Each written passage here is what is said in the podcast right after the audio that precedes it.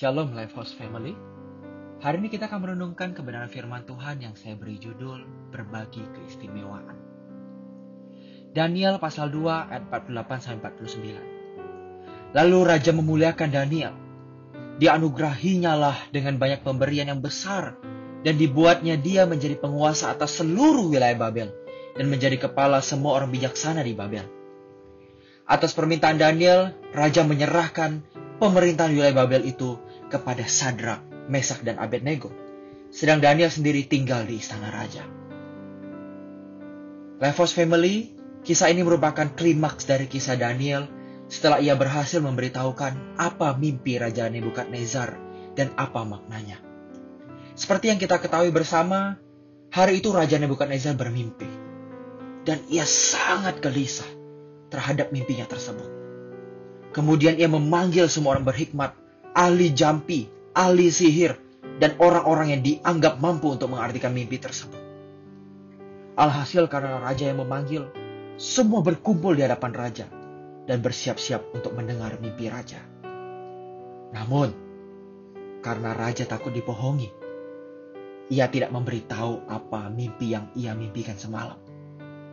Ia takut kalau-kalau dia menceritakan mimpi itu, para orang-orang yang berilmu itu hanya akan sekedar menebak atau berusaha menerka-nerka mimpi Raja Nebukadnezar. Sehingga raja punya ide. Untuk meyakinkan bahwa mereka semua benar-benar dapat mengartikan mimpi itu dengan kuasa ilahi, raja juga meminta mereka menebak apa yang dimimpikan oleh raja. Mustahil. Ya, ini sangat mustahil. Siapa yang bisa menebak arti mimpinya? Yang mimpi siapa, yang suruh nebak siapa, ya kan? Kalau nebak artinya masih gampang, masih bisa diterka-terka. Tapi kalau ditanya mimpinya apa, ah ini mustahil, ini sulit. Semua ahli jampi, orang-orang berhikmat dan ahli sihir gemetar karena raja meminta sebuah hal yang mustahil. Belum selesai, mereka khawatir dan ketakutan, raja menambahkan titahnya bahwa jika mereka tidak dapat memberitahu mimpi dan arti mimpinya, maka mereka semua akan dibunuh. Wah, semua pada ketakutan. Akhirnya kabar ini sampai kepada Daniel. Dan Daniel memberanikan diri menghadap raja. Ia memohon berapa waktu lamanya untuk berdoa kepada Allah agar dapat mengetahui apa mimpi dan makna mimpi tersebut. Akhirnya raja pun mengabulkan keinginan Daniel. Daniel pulang dan memberitahukan hal ini kepada teman-temannya. Sadrak, Mesak, dan Abednego. Daniel meminta mereka untuk berdoa bersamanya, bergumul bersamanya, berjuang bersamanya memohon belas kasihan Tuhan. Dan akhirnya, benar, Tuhan memberitahu apa mimpi Nebukadnezar dan apa makna mimpi tersebut. Nah, setelah Daniel memperoleh poin tersebut, dia menghadap raja. Dia ceritakan semua mimpi itu. Wah, setelah mendengar perkataan Daniel, raja terkejut. Semuanya tepat seperti apa yang dimimpikan.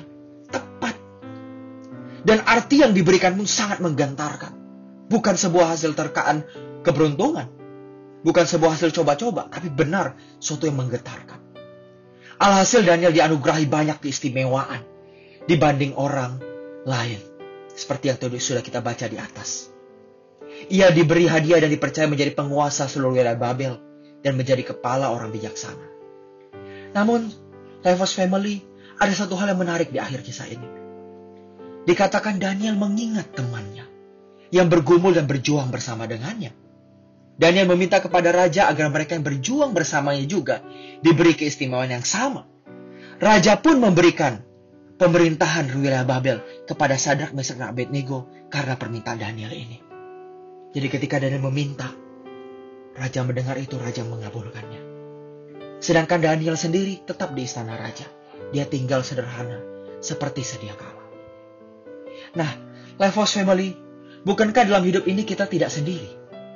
Selalu ada orang yang menopang, berperan dan berjasa dalam hidup kita sampai kita menjadi seperti hari ini. Seperti yang Daniel alami. Mereka mungkin orang yang dekat dengan kita. Mereka yang berjasa itu mungkin orang tua. Sudah pasti orang tua. Guru-guru. Saudara-saudara dan sahabat-sahabat kita. Namun ada juga mereka yang hadir hanya sebagai semacam figuran dalam hidup kita. Seolah-olah peran figuran hanya muncul sekilas-sekilas dalam hidup kita. Mereka adalah satpam di kompleks rumah kita, tukang sapu jalanan yang kita temui setiap pagi, driver ojek online, cleaning service, dan bermacam-macam orang lainnya yang tampaknya tidak berperan besar dalam hidup kita. Tapi sejujurnya harus kita akui dan kita ketahui bersama bahwa tanpa kehadiran mereka dalam hidup kita, pasti kita akan mengalami kesulitan. Mereka sangat membantu kehidupan kita. Nah, di tengah-tengah masa pandemi ini, sudahkah kita mengingat mereka? Sudahkah kita berbagi keistimewaan yang kita peroleh dari Tuhan?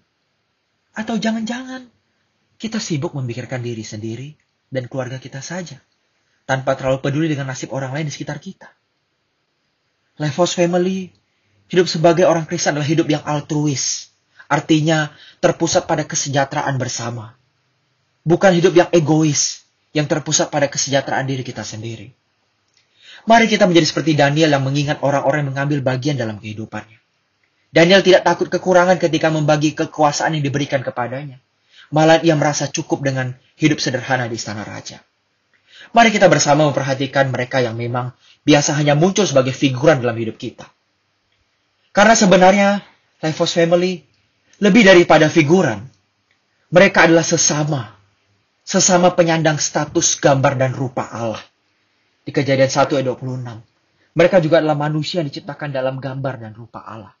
Yang harus kita perhatikan dan kita rawat sebagai saudara dalam kehidupan. Oleh karena itu hari ini saya ingin mengajak kita untuk berani berbagi keistimewaan yang Tuhan titipkan pada kita. Baik itu berkat jasmani maupun berkat rohani. Semua yang kita bisa bagi, mari kita bagikan. Dan percayalah, ketika kita membagikannya, kita tidak pernah berkekurangan. Melainkan kita lebih semakin seperti Yesus. Tuhan Yesus memberkati.